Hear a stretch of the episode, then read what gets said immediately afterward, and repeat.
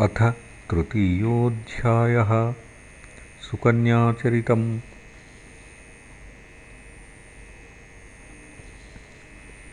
श्रीशुक उवाच शर्यातिर्मानवो राजा ब्रह्मिष्ठः सम्बभूवः। यो वाङ्गिरसां सत्रे द्वितीयमहौचिवान् सुकन्या नाम तस्यासीत् कन्या कमललोचना। तया सार्धं वनगतो ह्यगमच्यवनाश्रमम् सा सखीभिः परिवृता विचिन्वन्त्यङ्घ्रिपान्वने वल्मीकरन्ध्रे ददृशे खद्योतेव ज्योतिषी।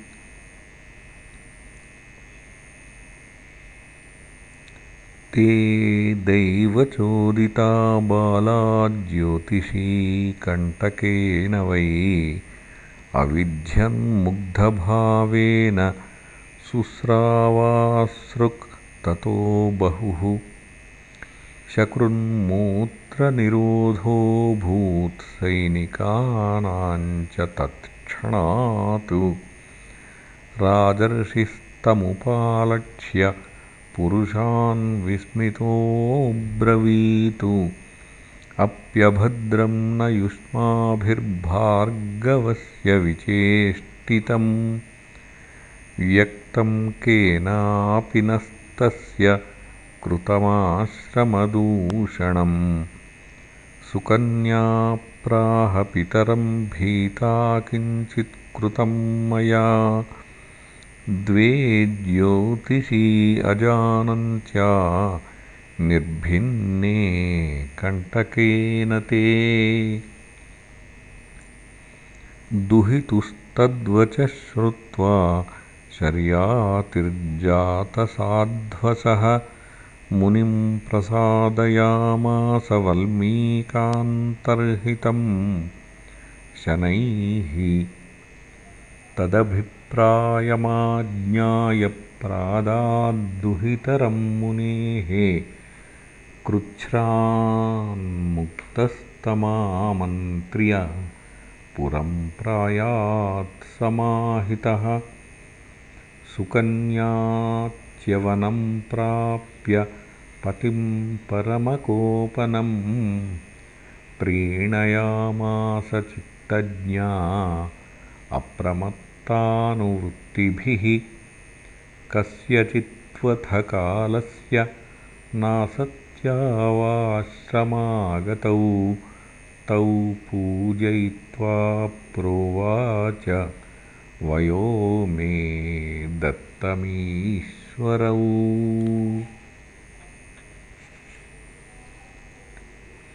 ग्रहं ग्रहीष्ये सोमस्य यज्ञे वामप्यसोमपोः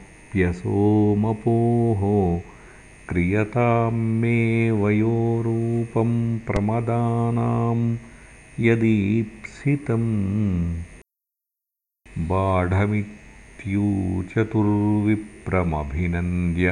भिषक्तमौ निमज्जतां भवानस्मिन् ह्रदे सिद्धविनिर्मिते।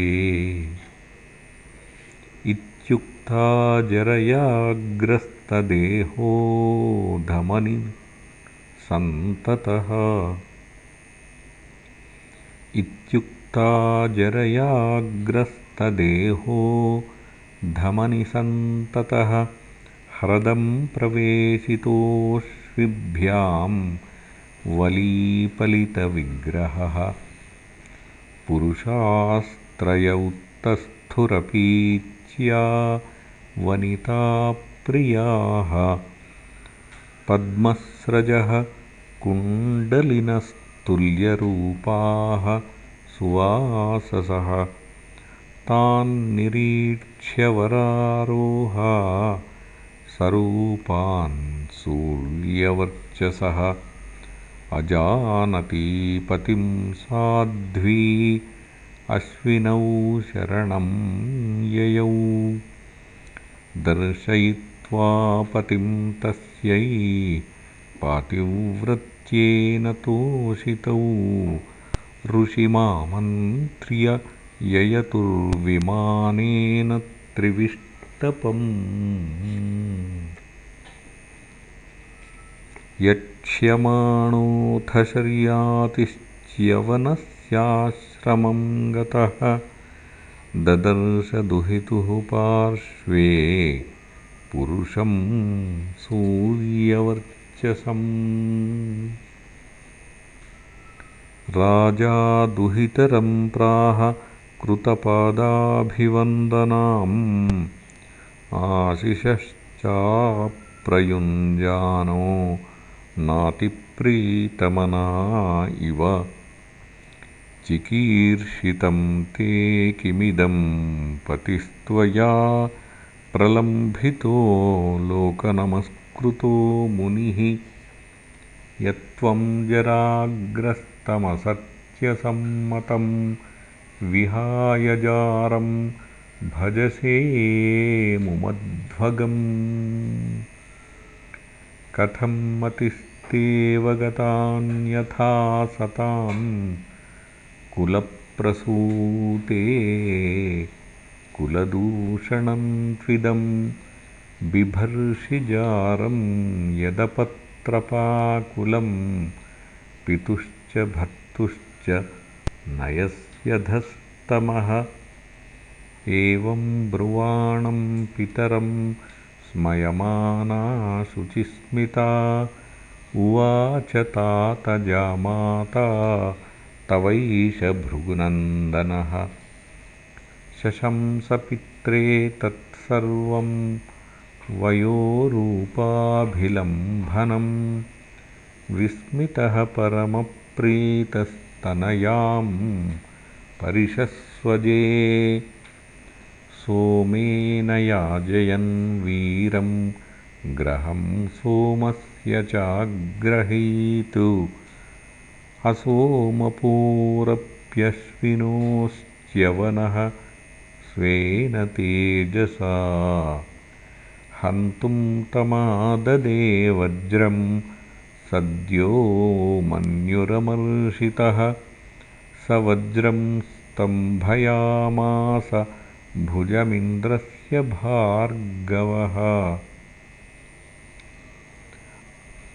अन्वजानंस्ततः सर्वे ग्रहं सोमस्य चाश्विनोः भिषजाविति यत्पूर्वं सोमाहुत्या बहिष्कृतौ। उत्तानबर्हिरानत् भूरिषेण इति त्रयः। शर्यातेरभवन् पुत्रा आनर्ताद्रेवतो भवतु। सोऽन्तः समुद्रे नगरीं विनिर्माय कुशस्थलीम्। आस्थितो भुङ्क्तविषयानानर्तादीनरिन्दमः तस्य पुत्रशतं जज्ञे ककुद्मिज्येष्ठमुत्तमम्। ककुद्मीरेवतीं कन्यां स्वामादाय विभुं गतः। कन्यावरं परिप्रष्टुं ब्रह्मलोकमपावृतम्। आवर्त वर्तमाने गान्धर्वे स्थितो लब्धक्षणः क्षणं तदन्त आद्यमानम्य स्वाभिप्रायं न्यवेदयतु। तत् श्रुत्वा भगवान् ब्रह्मा प्रहस्यतमुवाचः। अहो राजन् निरुद्धास्ते कालेन हृदि ये कृताः। तत्पुत्रपौत्रनप्तॄणां गोत्राणि च न शृण्महे। कालोऽभियातस्त्रिणवचतुर्युगविकल्पितः। तद्गच्छ देवदेवांशो बलदेवो महाबलः कन्यारत्नमिदं राजन् नररत्नाय देहि भोः। भुवो भारावताराय भगवान् भूतभावनः। अवतीर्णो निजांशेन पुण्यश्रवणकीर्तनः। इत्यादिष्टोऽभिवन्द्याजं नृपः स्वपुरमागतः त्यक्तं पुण्यजनत्रासाद्भ्रातृभिर्दिक्ष्वस्थितैः सुतां दत्त्वानवद्याङ्गीं बलाय बलशालिने बदर्याख्यं गतो राजा तप्तुं नारायणाश्रमम् इति श्रीमद्भागवते महापुराणे पारमहंस्यां संहितायां नवमस्कन्धे तृतीयोऽध्यायः